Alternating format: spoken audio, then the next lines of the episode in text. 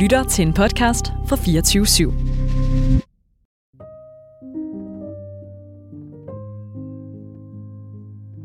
Jamen, der er jo en eller anden myte eller forestilling omkring videnskabsfolk, at de helst skal have været besat af et eller andet emne hele deres liv, og det er derfor, de endte med at blive professor. Og den kan man også nogle gange høre lidt omkring Inge Lehmann. Men faktum er, at det var egentlig en række tilfældigheder, der førte til, at hun blev seismolog. Hun var ansat på Geodatisk Institut og skulle øh, arbejde for Nils Erik Nørlund, som var direktør for instituttet, og hun skulle lave tyngdemålinger. Øh, og han har så bestilt nogle seismografer, fordi han synes, at Danmark skal rykke ind på det her helt nye forskningsfelt. Og de kommer, og det er altså nogle meget komplicerede instrumenter, og det, de er store og fyldt med alt muligt, der skal indstilles og kalibreres. Og de står nede i kælderen på Geodatisk Institut, og der er ikke nogen, der aner, hvordan de får dem til at fungere. Så en dag så går Niels Erik Nørlund ned i kælderen sammen med en 4-5 andre mænd for at kigge på det. Og Inge Lehmann går med, selvom hun ikke er inviteret til det, eller de har ikke spurgt hende, om hun vil med. Og det er, det er faktisk hende, der knækker koden, og hun skriver selv, ligesom, jamen det lykkedes mig at få den til at virke, og fra den dag arbejdede jeg med seismologi. Så det var øh, helt tilfældigt. Det var fordi, det var hende, der kunne finde ud af det, og så blev det hende, der kom til at arbejde med det.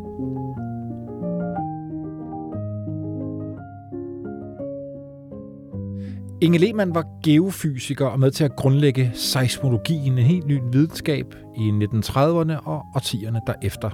En lidenskabelig trang til at blive til noget, havde fået hende til at overhøre alle de velmente råd fra sin familie, der på ingen måde synes, hun skulle studere, og hun endte med at blive den første kvindelige seismolog i verden. I 1936 fremførte hun hypotesen om, at verden har en fast indre kerne, hvilket skulle vise sig at være rigtigt.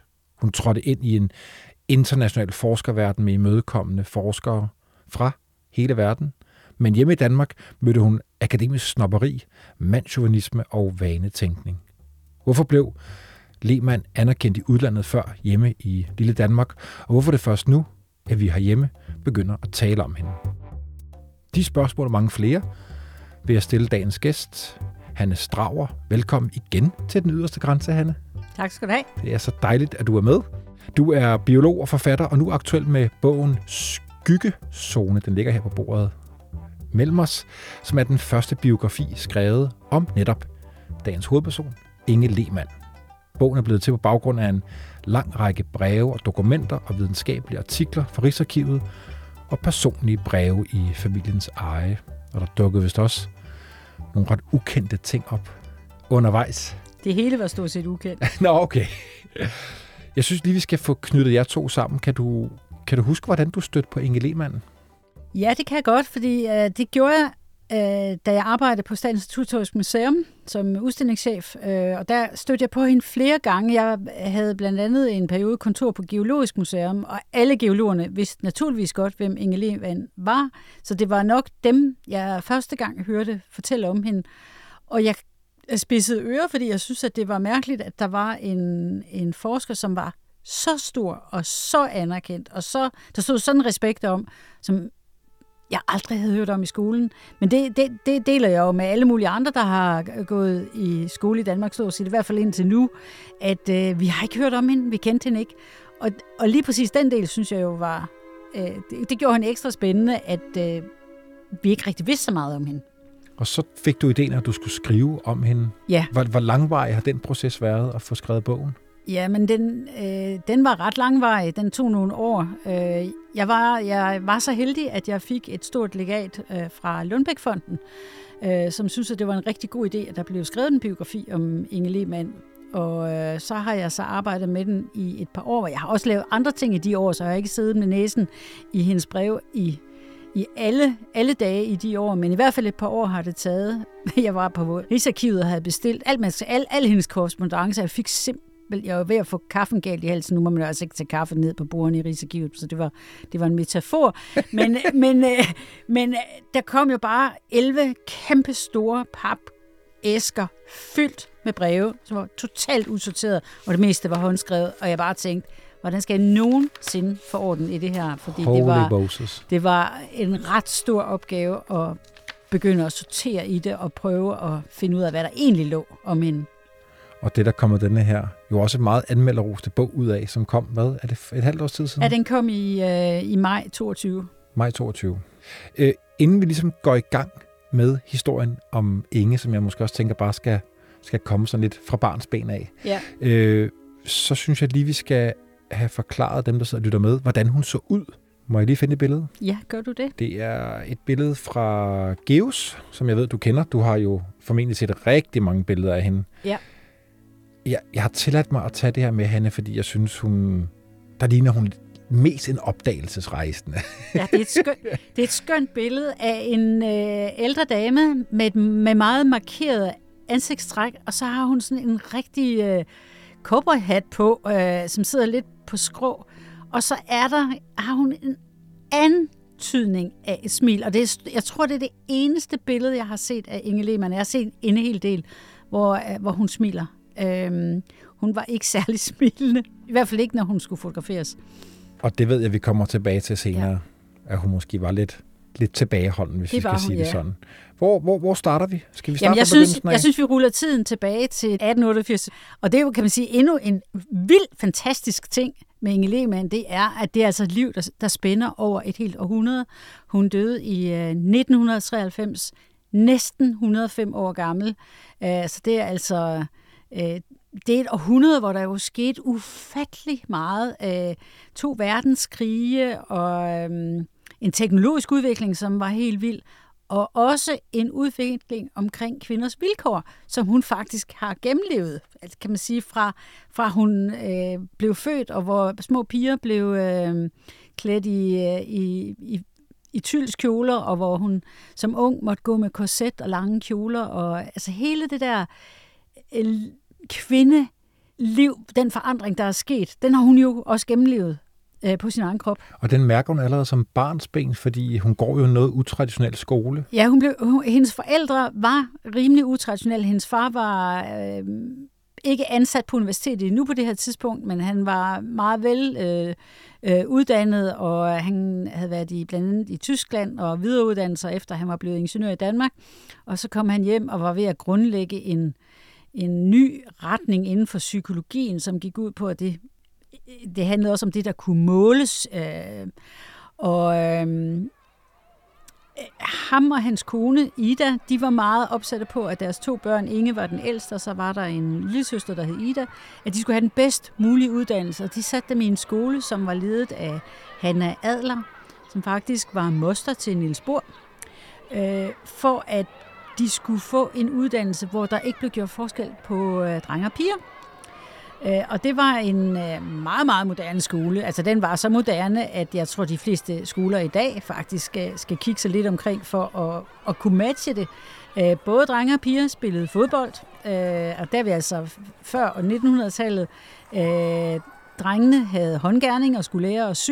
Øh, der kom en ko ind i skolen, som børnene skulle malke, og så skulle de lave ost ud af mælken og putte kommen i og, og spise det. Så det var en meget progressiv skole. Og Inge har omtalt det senere i sit liv som en skole, der i meget høj grad var med til at grundfæste en tro på, at drenge og piger havde de samme intellektuelle færdigheder. Det er skolen ved Søerne, mener jeg, den hedder i dag i København. Ja, den, den ligger ligesom der ved Sortedam og er, er tror jeg, stadigvæk skole, øh, og hed Han Adlers fællesskole dengang. Jeg har gode venner, som har børn der. Jamen, det er jo skønt. og jeg tænker, det er jo fantastisk, at skolen kan give hende det som barn, men det gør måske også, hvad kan vi kalde det, Hanne, lidt sværere for hende så faktisk i, i, i det videre liv, fordi verden ser jo så ikke sådan ud. Nej, og man må sige, at selvom hendes forældre, øh, det var deres valg, at hun skulle gå der, så støttede de hende faktisk ikke i, at hun skulle øh, nødvendigvis kaste sig ud i en akademisk karriere. Tværtimod gjorde de øh, on-off øh, det var sådan en push-and-pull-situation, hvor de nogle gange støttede hende og sagde, jamen selvfølgelig skal du det, og andre gange sagde, ej, det går ikke, det går ikke. Og noget af det hang sammen med, at Inge Lehmann allerede ret tidligt som barn havde vist nogle tegn på, at hun havde en skrøbelighed, øh, at hun... Øh, at der var ting, hun ikke magtede, og så knækkede filmen for hende på en eller anden måde. Og, så jeg tror, at forældrene ville beskytte hende.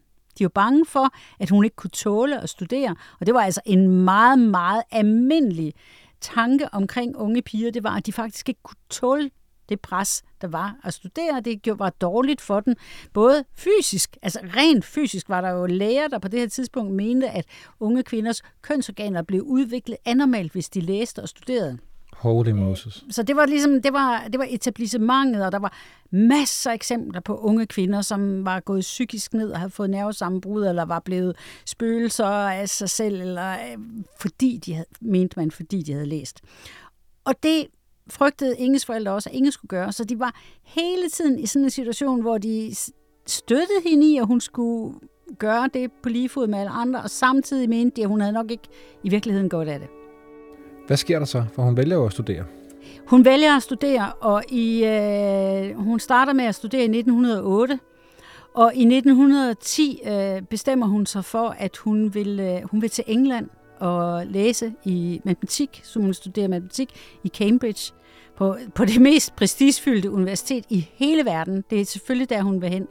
Og øh, og det lykkedes hende at komme over og begynde at, at læse i England. Og det var ikke billigt. Det kostede øh, ret mange penge øh, for familien at gøre det og sende hende derover. Men der var familien så ligesom, okay, så er det det, vi gør. Og de sender hende afsted. Og hun begynder at studere matematik i England.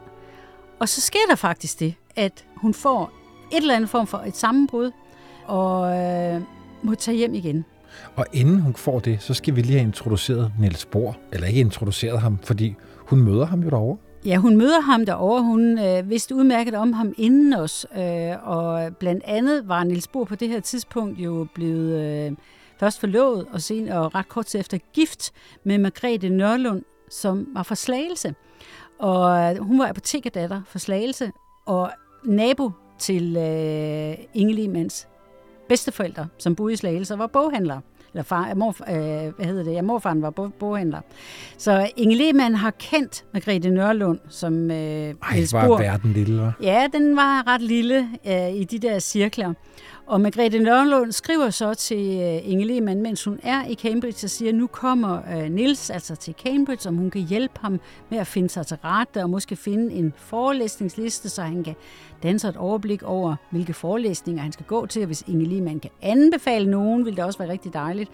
Og Inge Lehmanns veninde Muriel finder et sted, hvor øh, Niels Bohr kan bo, og, og der er, så der er en relation imellem dem på det her tidspunkt, og de drikker te sammen, og de øh, mødes ved forskellige lejligheder, som alle sammen er altså helt set med vores øjne jo fuldstændig parodisk. Det var det faktisk også med Inge og Niels Bohrs øjne.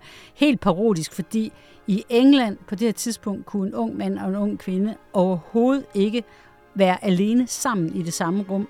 Der, der skulle være en chaperone. Den eneste, en ung kvinde måtte være sammen med alene, var, hvis hun havde en bror eller hendes far. Ingen andre måtte hun være sammen med alene. Så der var mange konventioner og meget, mange strenge regler, så hun kunne ikke bare mødes med Niels Bohr og drikke te. Så skulle hun arrangere, at der skulle være en fra øh, det college, hun var på, som var chaperone, som var med. Super besværligt. Og Hold Inge Lehmann synes, at det var helt letterligt, fordi hun var jo ikke vant til den form for forskelsbehandling, så det var noget strammere end i Danmark. Især ikke med den skole, hun har gået i. Nej, slet ikke. Altså, det var, altså, det var lidt svært at gebære det sig i. Så siger du, hun får det her øh, hun får et sammenbrud. sammenbrud nervesammenbrud. Ja. Og det er, jo, det er jo ærgerligt at høre, Hanne, fordi du har lige sagt, at ja. samtiden ja. ligesom havde det her lov over kvinder, at de ikke skulle de studere. Kunne ikke, de kunne ikke tåle at De kunne ikke tåle det, og så er det egentlig det, der desværre sker for ja, hende. Ja, det, det, er, det er super irriterende, at, øh, at hun faktisk øh, får det her sammenbrud, som jeg ikke ved præcist, hvad handler om. Øh, det eneste, hun nogensinde selv har skrevet om det, øh, det er en meget, meget kortfattet ligesom, øh, beskrivelse, levnedsbeskrivelse, hun har lavet, hvor hun skriver, I overworked um, and had to go home. Så hun kalder det ligesom en overanstrengelse. Jeg har læst, at det var stress. Ja, og det tror jeg ikke, det var. Øh, men det, og det, det, jeg har at hænge min hat på her, det er, at hun i høj alder skriver nogle meget korte kommentarer omkring, hvordan det var at studere i England. Og der skriver hun faktisk, at hun, hun, hun studerede ikke særlig hårdt. Øh, jeg lærte ikke meget matematik, men jeg havde det rigtig, rigtig sjovt sammen med mine veninder derovre. Så, så jeg tror, det er altså min hypotese. Jeg har ikke så meget af, af hatten i andet end den der kommentar om, at hun ikke selv synes, hun arbejdede så meget. Jeg tror, at hun for første gang i sit liv egentlig oplever at være virkelig populær, og have venner, og have det super sjovt. Hun er ung. Hun er 21.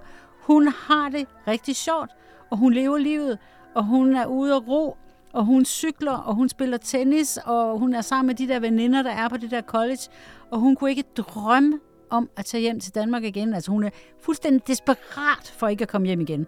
Hun gør alt, hvad hun kan for at blive i England. Men hun skal jo ligesom bestå de der eksamener for at kunne blive. Fordi det er jo ligesom hele, hele dealen, det er, at hun er der for at studere. Og hun, hun består så ikke den der matematikeksamen, eller hun går faktisk ikke op i den, fordi hun godt er klar over, at hun ikke har forberedt sig godt nok til den. Øhm, og jeg tror, at det sociale har fyldt for meget i hendes liv. Øh, hun, og helt almindeligt. Altså, man er ung, man kommer til at springe over nogle ting, og så kan man ikke bestå eksamen. Jeg tror, det var så simpelt. Øh, der er ikke noget, der tyder på, at hun sad og læste som en sindssyg hver eneste dag. Det tror jeg ikke, hun gjorde. Og det kan virkelig paradoxalt, fordi hun senere i sit liv lader til at blive så determineret og fokuseret. Ja, men der er jo andre end hende, der vokser op og bliver mere moden og fornuftig med alderen, og det, det gjorde hun måske også. Hun har haft en rigtig svær ungdom i Danmark. Da hun er 13 år gammel, skriver hun i sin dagbog, at hun øh, havde lyst til at, at begå selvmord. Hun har haft en hård ungdom, så jeg tror, at lige pludselig er hun et sted, hvor der er nogen, der ser hende som den, hun er, holder af hende, hun har det sjovt, hun har veninder. Måske er hun endda forelsket. Det kan, det kan man heller, det ville ikke være særlig mærkeligt, hvis man er 21 år og forelsket. Så måske er der en hel masse personlige ting, der spiller ind, andet end at være besat af studierne. For det tror jeg ikke, hun var. Og det skriver hun sådan set også selv, hun ikke var. Er det de manglende eksamener? Er det økonomi, hvad der gør, at hun faktisk er nødt til at tage tilbage igen til Danmark? Jamen altså, i, i virkeligheden tror jeg, at sammenbrud er så totalt, at hun ender med at være sengeliggende. Nå, okay. Så, så hun, er, hun er også nødt til at tage hjem, fordi hun kan jo ikke bare være på kollegiet og ligge i sin seng. Så hun tager hjem for at komme til hægterne igen. Og, øh, og det, og det næste halve år korresponderer hun frem og tilbage med kollegiet hele tiden om, at hun kommer igen, og hun vil gerne genoptage og sådan noget. Men det, men det lykkes hende faktisk aldrig at komme derover igen, for hendes forældre har jo nu også blevet bekræftet i, at hun kan ikke tåle det her. Så de sætter sig jo også imod. De er jo nervøse for deres datter. De tror, de er overbevist om, at det er studierne, der vil gøre det af med hende. Hun flytter til Norge? Eller i hvert fald er i Norge ja, en længere jeg periode? har fundet en lille note i, uh, på Rigsarkivet, hvor hun har skrevet øh, i hånden en liste over, hvor hun har boet. Og alle de steder, jeg kender til, hun har boet, er der fra april øh, 1900 det til 1900 det, og så boede jeg på Marievej, og så boede jeg på Østerbrogade, øh, nummer 60. Så der er de adresser, som jeg også kender til. Og så er der en øh, mellem 1915 og 1916, så står der, at der, der bor hun i Molde på noget, der hedder Furukollen. Og det er meget mystificeret over, fordi det er det eneste sted, jeg har den oplysning. Øh, så jeg ved ikke, hvad hun lavede der. Men der går en hel del år, før hun falder tilbage til videnskaben, eller der ja, hun ikke rigtig gået i gang med videnskaben på det tidspunkt. Men, ja, hun, det gør der. Hun, hun kommer jo så tilbage der i, i december 1911, og så får hun så i løbet af 1912 får hun job på et forsikringsselskab, øh, som beregner, som det hed dengang, sådan en form for aktuar. Og så øh, arbejder hun der, indtil hun Måske var hun i Norge, måske var hun ikke, det ved jeg ikke, men i hvert fald i 1917, øh, der siger hun sit job op på forsikringsselskabet, blandt andet fordi, at øh, der skal en ny øh, chef øh, for afdelingen, der hun arbejder i, og der opdager hun, at det er en mand, som hun absolut kan se ikke er lige så dygtig, som hun selv er, der, der står til at skal få det job, og så tænker hun bare, der gider jeg ikke mere. Og så siger hun simpelthen op. Der er hun så også blevet forlovet.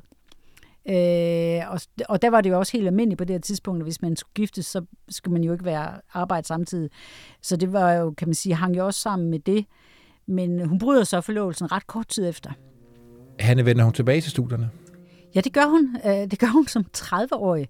Øh, begynder hun at læse matematik igen, eller 29-årig. Øh, og gør den færdig i løbet af et år. I 1920 lykkedes det hende faktisk at blive færdig med sine matematikstudier ved Københavns Universitet. Så, øh, så hun bliver færdig, og i løbet af de første, kan man sige, der i, i af starten af 20'erne, der har hun nogle forskellige jobs. Først det i Tyskland, hun ret kort tid efter afbryder, og så får hun et job på øh, universitetet.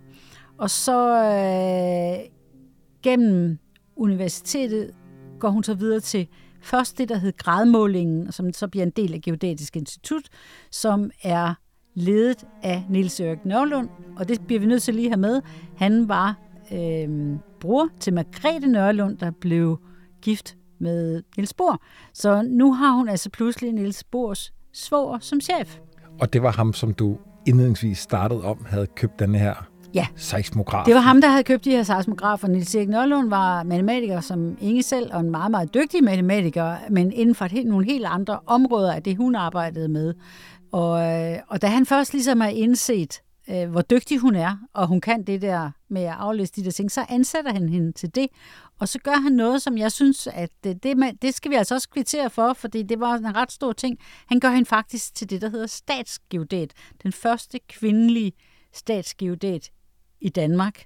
Og det skal forstås på den måde, at hun, øh, hun bliver chef på lige fod med de andre statsgeodater, som er på Geodatisk Institut. Og Geodatisk Institut var som sagt sammenlagt af gradmålingen og af generalstabens topografiske kontor. Generalstaben, så kan man godt se for sig, og det har altså været nogle mænd med uniformer på, som var hendes, øh, som var dem, hun var på linje med, og de havde meget svært ved at acceptere, at det var en kvinde, som ovenikøbet var civil, som øh, var på lige fod med dem. Skal vi ikke have snakket om lidt om det? Fordi jeg, jeg har faldet over et citat her. Jeg kan ikke huske, hvor det var. Jeg fandt det på nettet. Du kender sikkert mange flere, Hanne.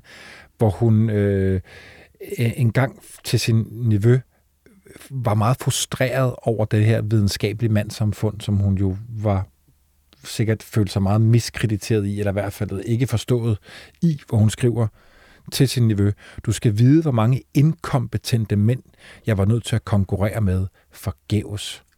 Det er, øh, det, det er noget, han har sagt, det er Niels Grus, der har sagt, og jeg mener, han sagde det, da hun blev begravet.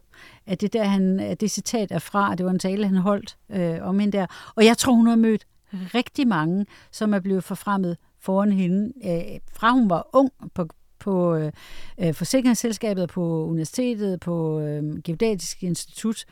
Det har hun set rigtig mange gange, og et andet sted skriver hun faktisk til en kollega, hun har i udlandet, der skriver hun, har de læst Pearl S. Buck, så vil de vide, at i Kina træsker kvinden bag manden, og hun løfter ikke blikket i hans nærvær. Hun er født til at være slave. En kvinde er et laverstående væsen, uanset sine evner. Hun kan arbejde og arbejde hårdt, men kvinder befinder sig under manden, og æren tilfælder ham, uanset hans evner. Der er ingen tvivl om, at Inge Lehmann identificerer sig rigtig meget med dem, som Pearl S. Buck beskriver i det her uh, citat, de, de kinesiske kvinder, at det, lige præcis det her har hun oplevet mange gange. Og det, det er jo blevet diskuteret mange gange omkring Inge Lehmann mentionist, der er flere, der har skrevet, at det passer overhovedet ikke. Det, det blev hun ikke. Hun blev overhovedet ikke diskrimineret. Men det mener hun jo faktisk selv, at hun gjorde. Hun begynder den, i det der periode at undres. Eller hvad? Altså, jeg tænker, vi skal have, have knyttet hende op på ham her, Harold Jeffries, Ja, øh, og, og også hvad det er, samtiden mente om det, som kommer til at blive hendes livsværk, Ja. Hanne. Altså undren om jordens indre. ja. Men, men lad os lige snakke en lille smule om, hvad seismologi i det hele taget er. God idé. Fordi man, på- man kan sige, at Inge Lehmann var jo ikke en opdagelsesrejsende i helt sådan klassisk forstand, øh, selvom hun rejste rigtig meget og gjorde mange ting, som var meget strapasserende, og i virkeligheden så inde, også at bestige bjerge og sådan noget. Men hun var jo opdagelsesrejsen i jordens indre. Det var den, hun studerede, fordi det at kigge på øh, udskrifter fra en seismograf, det er at kigge på de udsving, der kommer, de bølger, der kommer, når der er et jordskælv. Så det er jordskælv, man studerer, når man kigger på, øh, på hvad en udskrift for en seismograf. Og det, og det var det, hun gjorde. Og det var hun ansat til at gøre. Hun var ansat til at aflæse seismografer, som var stillet op i Danmark og på Grønland. Og hun fik tilsendt, man byttede sig simpelthen til seismogrammer fra andre stationer rundt omkring i verden, fordi at det giver faktisk først rigtig mening, hvis man kan sammenligne det samme jordskælv fra flere steder, fordi så kan man beregne, hvor var, kom jordskælvet fra, og hvor kraftigt var der og sådan nogle ting. Og det blev hun mega dygtig til. Øh, altså, øh, hun var rigtig, rigtig dygtig, og man skal jo virkelig tage hatten af for det her, for det er altså før lommeregneren, det er før computeren, det er beregninger, der bliver foretaget i hånden på basis af de her udskrifter. Og det, der sker, når der er et jordskælv, det er, at Jorden bevæger sig i bølger. Det er nemt nok at mærke, hvis man er i nærheden af jordskælv, fordi jorden hopper jo op og ned. Men de bølger går faktisk også dybt ned i jorden og igennem jorden, og kan registreres altså i princippet på den anden side af jordkloden, og det var præcis det, der skete med det, som er, hun er aller, allermest berømt for. Det var, at der var et jordskælv i øh, 1929 i øh, en by, der hedder Murchison øh, i New Zealand, og den blev registreret rundt omkring i hele verden, og hun fik så seismogrammer ind, som hun begyndte at kigge på. Registrerer man også det i Danmark? Ja. Det jordskælv? Ja, det gjorde man også, ja. Og især, kan man sige, i, blev det registreret på nogle seismogrammer i Rusland, i Sibirien. Dem, det er dem, hun havde med i sin artikel omkring det her. Og øh, det kan godt blive en lille smule langhåret, det her med at forstå, hvad det egentlig er, man kan se på et seismogram. Men hvis det skal gøres super kort, så er der to forskellige typer af bølger, man registrerer på sådan et seismogram. Der er noget, der hedder P-bølger. Det kan man også kalde primære bølger, der er P'et. Og så er der noget, der hedder S-bølger, eller sekundærbølger, og P-bølgerne er altså de første. Og det er dem, vi skal snakke om lige nu, for det var dem, hun observerede. P-bølgerne øh, kan, øh, kan gå, gå igennem noget, der er flydende.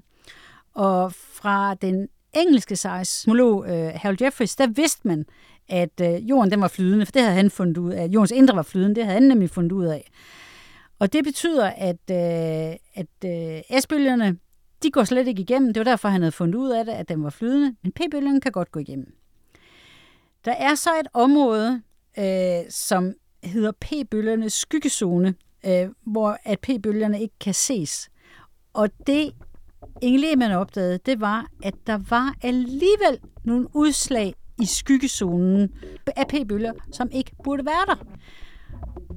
Og hun resonerede, at hvis de p-bølger, der man kan se i, øh, i skyggezonen, den eneste forklaring, der kunne være på, at de var der, det var, at så kunne jorden åbenbart, jordens indre åbenbart ikke være helt flydende alligevel. Der var noget, der fik dem til at ændre hastighed, og dermed blive afbøjet. På samme måde som, at når vi ser en lysstråle, der rammer øh, havoverfladen, så bliver den afbøjet og reflekteret. Det er derfor, at det altid er, kan man sige, kan være hårdt at sejle, fordi at øh, overfladen reflekterer øh, lysbølgerne så meget som et spejl. Og det er faktisk det samme, der sker inde i jordens indre. Det er, at de her p-bølger øh, kommer ind og rammer den hårde indre kerne, øh, og så bliver de reflekteret, og så bliver de bøjet udad. De ændrer kurs. De ændrer kurs, de bliver bøjet ud af i skyggezonen, hvor de slet ikke skulle være. Og deraf kunne hun konstatere, at så må der altså være noget inde i midten af jorden, der får dem til at ændre deres hastighed og ændre kurs. Og hvordan kan der så være det? Hvad mente hun? Jamen, hun var meget forsigtig med at sige præcis, hvad det var. Hun, hun sagde, at der var noget, der fik dem til at ændre hastighed. Uh, hun sagde ikke, at det var fast, fordi det kunne sådan set godt være, at det var flydende, bare ikke flydende på samme måde som den som den flydende kerne, fordi vi ved jo også godt, at flydende er mange forskellige ting. Vand er flydende, sirup er flydende, men det er det på, kan man sige, med forskellig hastighed eller med, på forskellige måder. Så hun sagde ikke, det er fordi, den er fast. Det blev faktisk først fastslået senere. Jeg ved ikke, er det nu, vi skal have den her, hun laver den her teori, den hedder så P-mærke, altså P Nej, med det er, en, det er nu, vi skal apostrof. have den, fordi hun, hun var jo ligesom, hun opdagede det her med, at hun kunne se de her øh, udslag inde i skyggezonen på, på seismogrammer, som hun fik blandt andet fra Sibirien. Og så skrev hun til Harold Jeffries, som var hendes, øh, hendes øh, gode kollega i England, og hun var ligesom opmærksom på, at der, der var noget her, som, øh, som hun synes var, var mærkeligt, og det, det sagde hun til ham, og om det ikke var noget, han var, var også var interesseret i. Hun skriver til ham, jeg er bange for, at vi har at gøre med endnu en diskontinuitet. Jeg tror, at jeg har opdaget endnu et lag inde i jorden. Og så spurgte hun om, hun ikke skulle sende de her seismogrammer til ham, så han kunne se på dem. Fordi han var jo på mange måder hendes mentor. Han var ligesom 10 år forud for hende i, det, alt det her arbejde. Nej, nej, det var han ikke interesseret i. Som om vi ikke har problemer nok, skrev han. Nej, hun skulle endelig ikke sende nogle seismogrammer. Jeg er begravet i mit nuværende arbejde. Det er helt uforståeligt, at han ikke var mere interesseret, for det var ham, der havde foreslået, at jordens indre var flydende. Så kom der nu nogen og foreslå, at det han havde sagt var, var ikke var rigtigt, så burde han jo have sagt, det vil jeg gerne høre noget mere om. Netop derfor. Jeg tror måske ikke, han troede på hende. Jeg tror måske ikke, han, øh, han var helt sikker på, at det var rigtigt. Men der er jo ingen i Danmark, der fatter en billede af det her. Er der det? Altså, Nej. det, det er også derfor, hun rækker ud, tænker jeg. Nej, hun har jo ikke nogen kollegaer i Danmark. Det har hun ikke. Det er, hun har kollegaer i Tyskland og i Frankrig og i England, og noget senere får hun det også i USA. Men der er ikke nogen i Danmark, hun kan diskutere det her med, og det er derfor, hun skriver til, øh, til Harold Jeffries. Og det har jo været en kæmpe, kæmpe, kæmpe styrke i hendes arbejde, at hun har været øh, så stærk i engelsk. Hun har jo læst og studeret i England, og derfor var engelsk overhovedet ikke nogen udfordring for hende. Og det betød, at hun kunne kommunikere fuldstændig øh, effortless med sine internationale kollegaer. Hun rejser til Grønland i 1931. Ja. Og mens hun er på vej derop, så jeg, jeg synes bare lige, vi skal få sat ord på, hvordan har hun det nu? Altså hun har jo trods alt været igennem det her stressfremkaldte nervebrud, forelskelse, hvad det nu end, der gør, da hun kommer hjem fra, fra, øh, fra Cambridge. Hvordan har hun det? Jamen, jeg tror, at hun har fundet det sted i, i, kan man sige, i sit akademiske liv, hvor hun gerne vil være. Hun føler sig helt sikkert kompetent til det, hun laver. Hun ved godt, hun er dygtig. Hun er ikke usikker på sin faglighed overhovedet. Tvær, tværtimod, så skriver hun til Harold Jeffers på et tidspunkt, If I'm right, and I know I am. Hun er fuldstændig stensikker på, hvad hun kan. Men hun er jo stadigvæk som person meget genert og tilbageholdende og sky, og, og hun bliver chikaneret på sit arbejde. I 1931 tager hun til øh, Grønland, som du siger, for at tilse de grønlandske seismologiske stationer. Det er helt uhørt, at man sender en, en kvinde ud på sådan en en ekspedition, fordi altså til Grønland på det her tidspunkt var virkelig en ekspedition. Man sejlede derop, og man, tog, man holdt på Island, og så sejlede man videre. Og det var slet ikke noget, kvinder skulle gøre. Øh, og der var, der var modstand mod det på, Ge, på Geodatisk Institut, fordi det var ikke kvinderarbejder at være derude i, i, i bushen. Øh, men hun gør nu sit arbejde ganske udmærket, men så sker der så det, da hun er på vej hjem øh, på Island. Jeg ved ikke præcis, hvad der sker.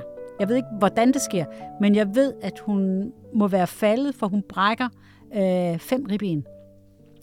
Og øh, fem ribben er, øh, det, det er ganske alvorligt. Det betyder altså, at du har faktisk store problemer med at trække vejret, og, øh, fordi det gør afsindigt ondt. Og hun, øh, og hun kommer i gips og i behandling og alt muligt. I dag vil man ikke lægge folk, der har brækket det ribben i gips, men det gjorde man dengang. Øh, og hun er sygemeldt i flere måneder. Og den tid benytter hendes kollegaer på Geodatisk Institut til at køre hende ud på et tidsspor. Hun har fået nogle penge, som hun har søgt et andet sted, og skal lave nogle meget spændende eksperimenter, hvor man faktisk kan kontrollere øh, nogle sprængninger og måle på, øh, hvad, på seismograferne, hvilke udslag det giver.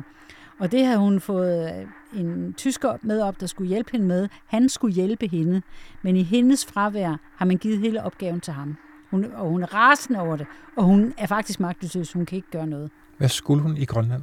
Hun skulle tilse stationerne på, øh, øh, i Skuresbysund og i Ivitut, som ligger på sydspidsen af Grønland.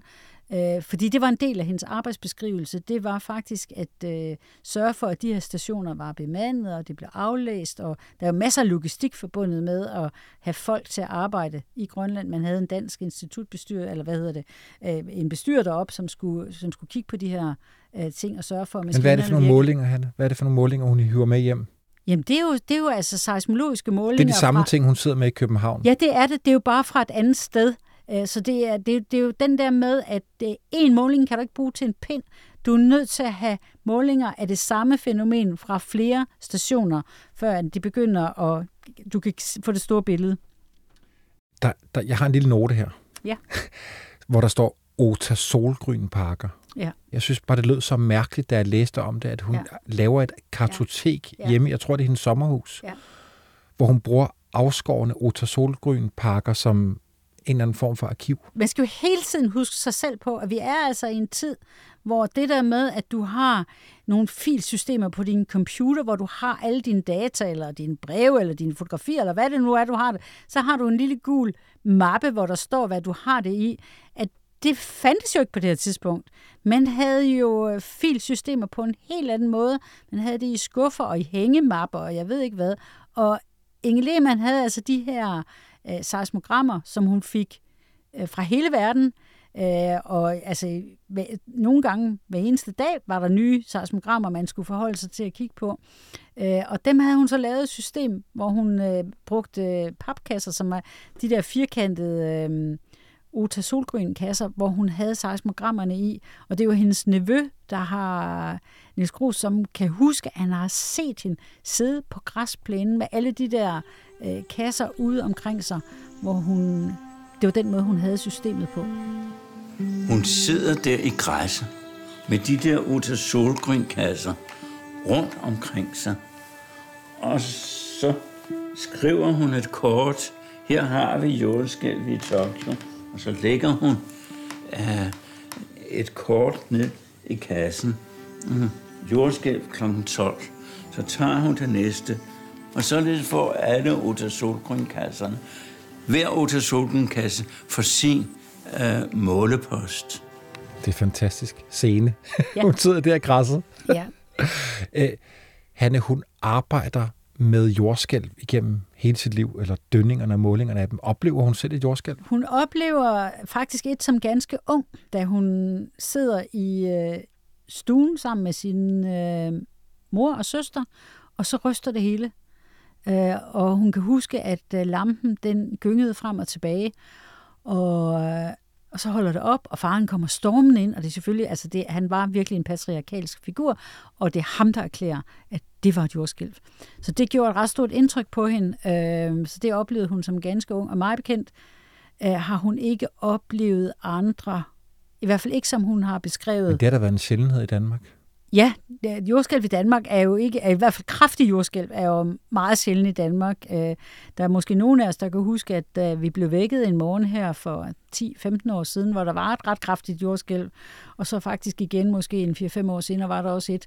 Så der, de små jordskælv er ikke så øh, ualmindelige, men de fleste af os mærker dem jo ikke. Øh, men kraftige jordskælv er sjældne. Og jeg ved, du selv har oplevet det. Ja, jeg har oplevet et i, øh, i Kalifornien i 1989, den 17. oktober, 1704, 1989. Og du husker det så tydeligt? Jeg husker det meget tydeligt, for det var en ret øh, voldsom oplevelse. Det er den, der er mange, der kan huske, at de har set billederne med, med broerne i øh, San Francisco, der klappede sammen. Og det var det jordskælv. Jeg var lige kommet hjem fra universitetet og havde lagt mig til at, at hvile, og så hørte jeg bare lyden, hvad jeg først troede var en kæmpe, kæmpe, kæmpe stor tog eller lastbil, der var nærmest ved at køre ind i huset. Og jeg var længere om at fat, at det var det ikke. Og så begyndte det hele at ryste, øh, og så løb jeg ud af huset, og så var det et meget voldsomt jordskæld. Hver eneste dag året rundt ved indbyggerne i San Francisco, at de kan blive ramt af et jordskæld. Alligevel kommer det bag på dem og på eksperterne, når det sker. We knew it was coming. We didn't expect it this soon. We knew it was going to come within the next 20 to 30 years, but this one caught everybody off guard, I think. Uh, we, uh, we just weren't ready for one this big. Uh, we expected uh, some smaller ones but not this one. Ufattelige naturkræfter. Ja, det er, ja. det er virkelig Jeg har selv oplevet det i Ecuador, og det var det samme. Jeg troede, det var en lastbil. Ja. Vi skal vel til USA lige om lidt, Hanne. 1952 tager hun afsted på sin første ja. videnskabelige arbejdsrejse til USA. Hun skulle have været afsted i 1939, men der var 2. verdenskrig lige om hjørnet, så hun kom ikke afsted. Øh, og det var et stort ønske for hende, fordi hun havde korresponderet med mange øh, eller flere amerikanske forskere. En af hendes virkelig gode venner og en mentor for hende hed Beno Gutenberg. Han var jøde, og han var flygtet til USA i 1929. Han var allerede derovre. Hun vil gerne derover. Og det kommer hun i 1952, og det gør hun på den måde, at der er en, øh, en amerikansk øh, forsker, der hedder Morris Ewing, som besøger hende i Danmark i 1951, og han vil, øh, han vil rigtig gerne øh, tale med hende, fordi hun er i kraft af den her opdagelse med jordens indre, en meget respekteret autoritet inden for det her område. Og han, øh, han prøver at overtale øh, det amerikanske militær til, at de skal betale hendes rejse over. Hvad de også ender med at gøre, det han skriver til dem, har jeg fundet i et brev i arkivet. Der skriver han til det amerikanske militær, hun kan bibringe data til vores samlinger, som hun har brugt i sine tidligere studier. Disse vil være ekstremt stor værdi for os, da de inkluderer registreringen for russiske stationer, som vi ellers ikke vil kunne få fat på. Det her det er jo starten af den kolde krig, og det var øh, helt sikkert interessant for amerikanerne at få adgang til russisk materiale. Både fordi, at det var kan man sige, videnskabelige data, de ikke kunne få fat på, men også fordi man allerede på det her tidspunkt var begyndt at interessere sig for atomprøvesprængninger. Og de var ikke sådan lige at finde ud af, hvem der havde sprængt øh, en bombe, eller om der overhovedet var noget, der var sprængt. Og, og det, derfor var man meget interesseret i det.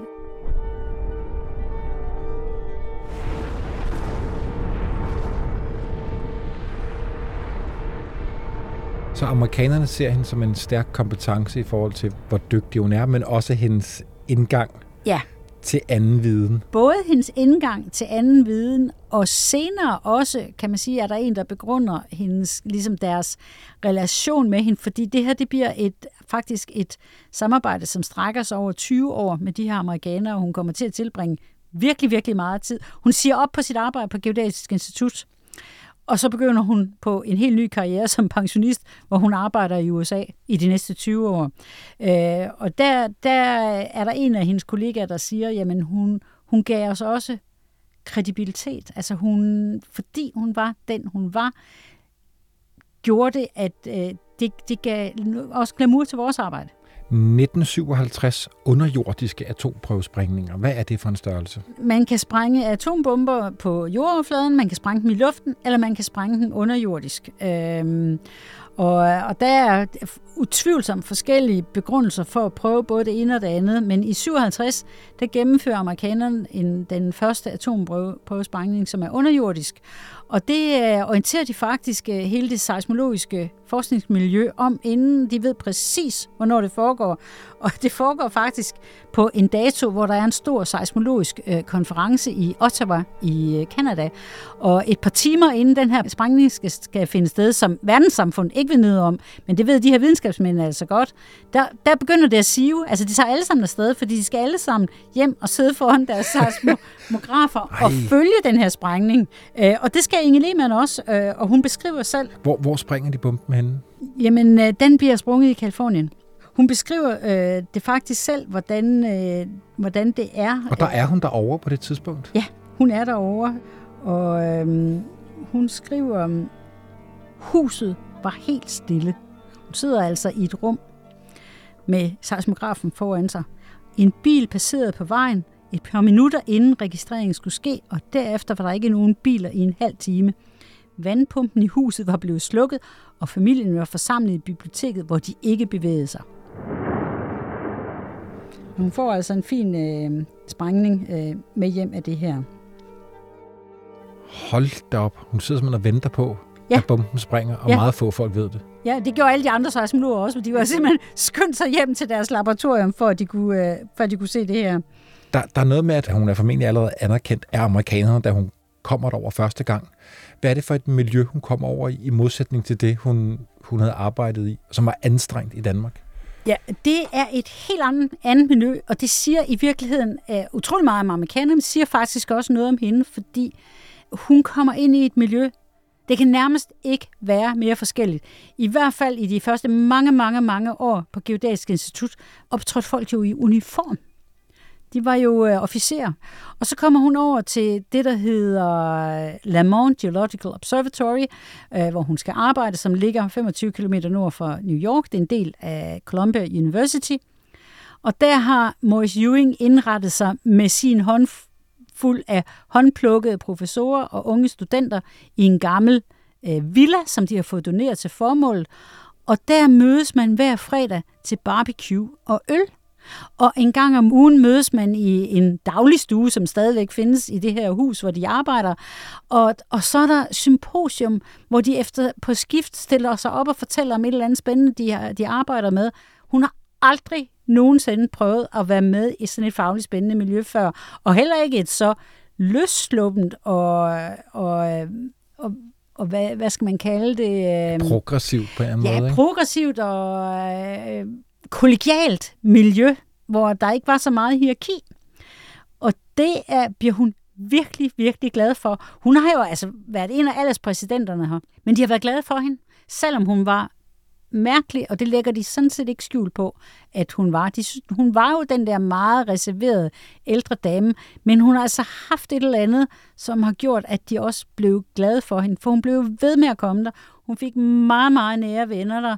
Hun kom der i, øh, ja, som sagt, i 20 år. Hun boede der fast i et gæstehus, øhm, og havde, var en del af det der kollegiale liv på stedet. Og tænk, hun skal opleve det som pensionist og frem. Nu bliver hun så, hun får nærmest, øh, eller har jo flere liv, fordi hun bliver så gammel også, så hun har så mange år, hun kan arbejde. Ja, ja, hun, hun, ja. Hun, hun får mere ud af sit liv end de fleste andre, men hun er også uendelig taknemmelig over det. Altså hun skriver flere gange til Maurice Ewing, at han skal vide, at han har gjort hendes liv rigt og fornøjeligt på en måde, hun aldrig ville have drømt om, at det kunne blive. Du siger, hun er speciel og en enspænder type. Jeg synes, jeg har læst, at hun, ikke, hun dukker ikke op til familiefødselsdage og så videre. Hvad? Ikke til dem alle sammen i hvert fald, men, men altså, hun var altså også et familiemenneske. Hun holdt jo sammen med familien, men, men det betød ikke, at hun altid prioriterede det lige hårdt, hvis hun havde noget andet, hun skulle til.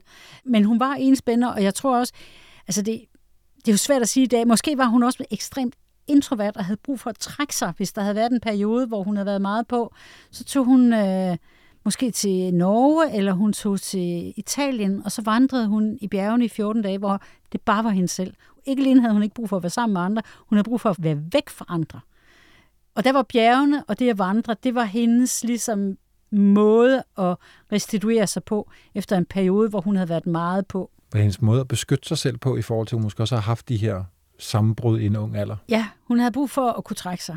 Han, du siger, hun, bliver, hun, hun møder det her miljø over i USA, som er helt anderledes, end det var i Danmark. Hvor, hvorfor var det så svært? Ikke hvorfor det først skulle gå så lang tid, for at danskerne talte om hende, men hvorfor var der ingen, der ligesom anerkendte hende i Danmark?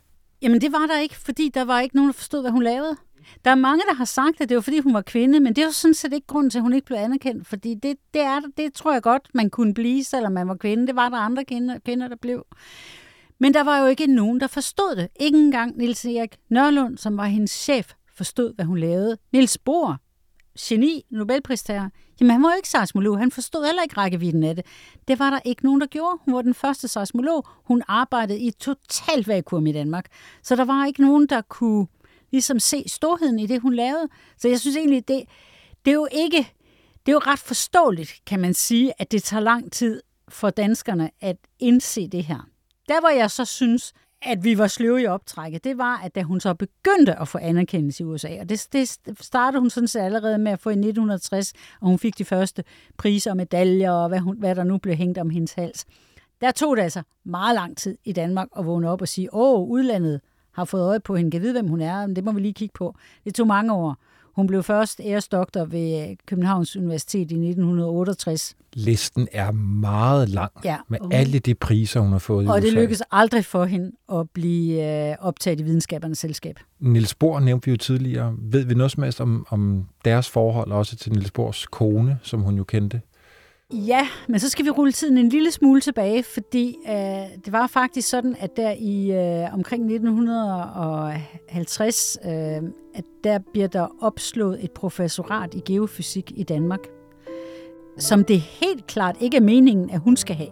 Det er meningen, at det er en, der hedder Niels Arli, der skal have det, som er en af øh, Niels Bohrs disciple, Øh, og det giver så, der er nogle, øh, nogle, kan man sige, grunde til, at der er nogen, der ikke synes, det skal være ham. Han er åbenbart meget kontroversiel, og han går sådan set også ud i pressen og siger, at han ikke ved en skid om geofysik, og det er jo ikke så smart, hvis man søger et professorat i det. Øh, og det ender faktisk med, at han selv trækker sin ansøgning tilbage.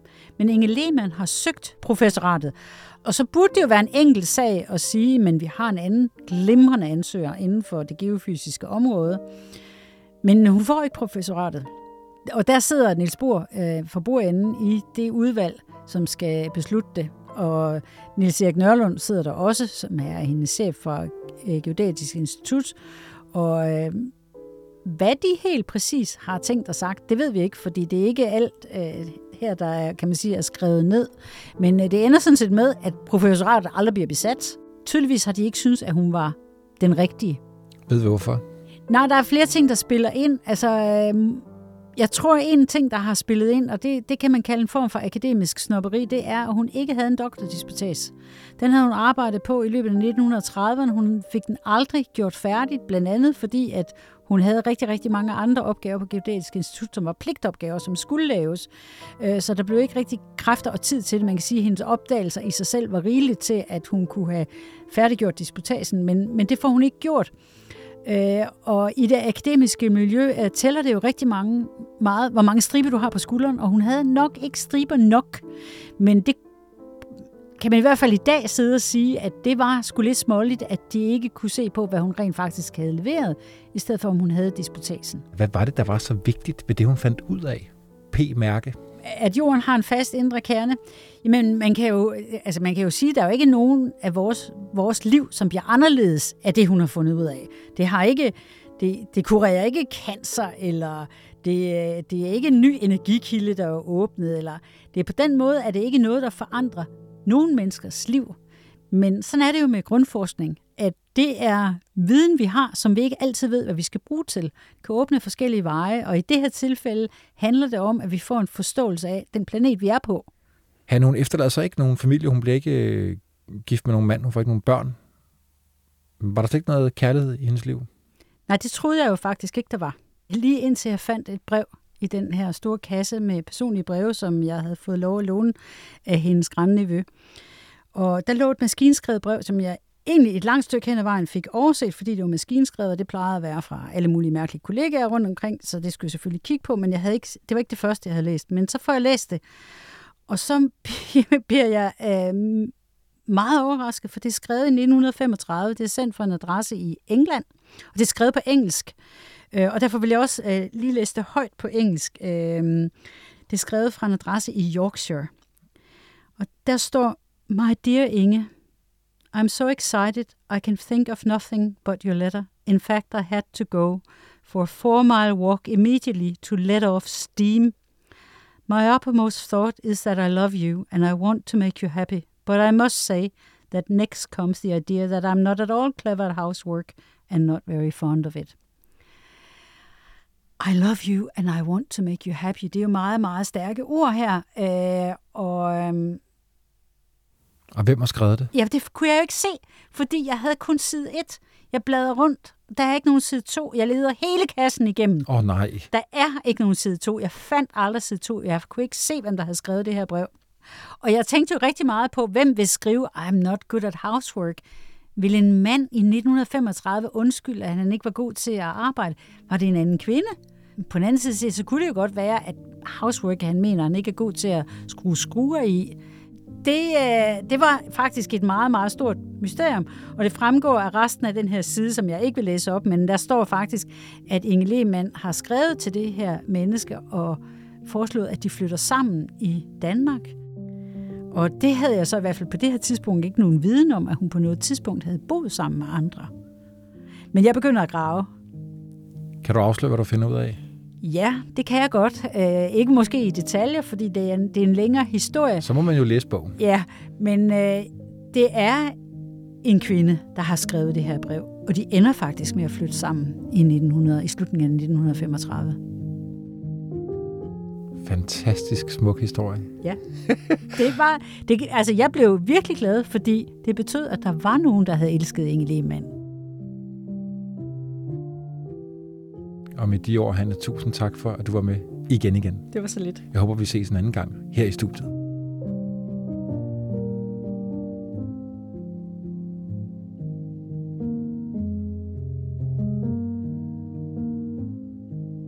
Den yderste grænse er produceret af Bjørn Harvey og Christoffer Erbo Roland Poulsen fra 24-7 og Vores Tid. Redaktør er Rikke Karoline Carlsen. Tak til Vagnbjerg Christensen, Jens Christian Overgaard og Alex Frank Larsen for sparring og hjælp til at finde kilder og billeder. En særlig tak til Geos, Danmarks Radio og Bent Nielsen og Arktisk Institut. Du kan finde flere podcasts om historie ved at søge på vores tid i din podcast-app.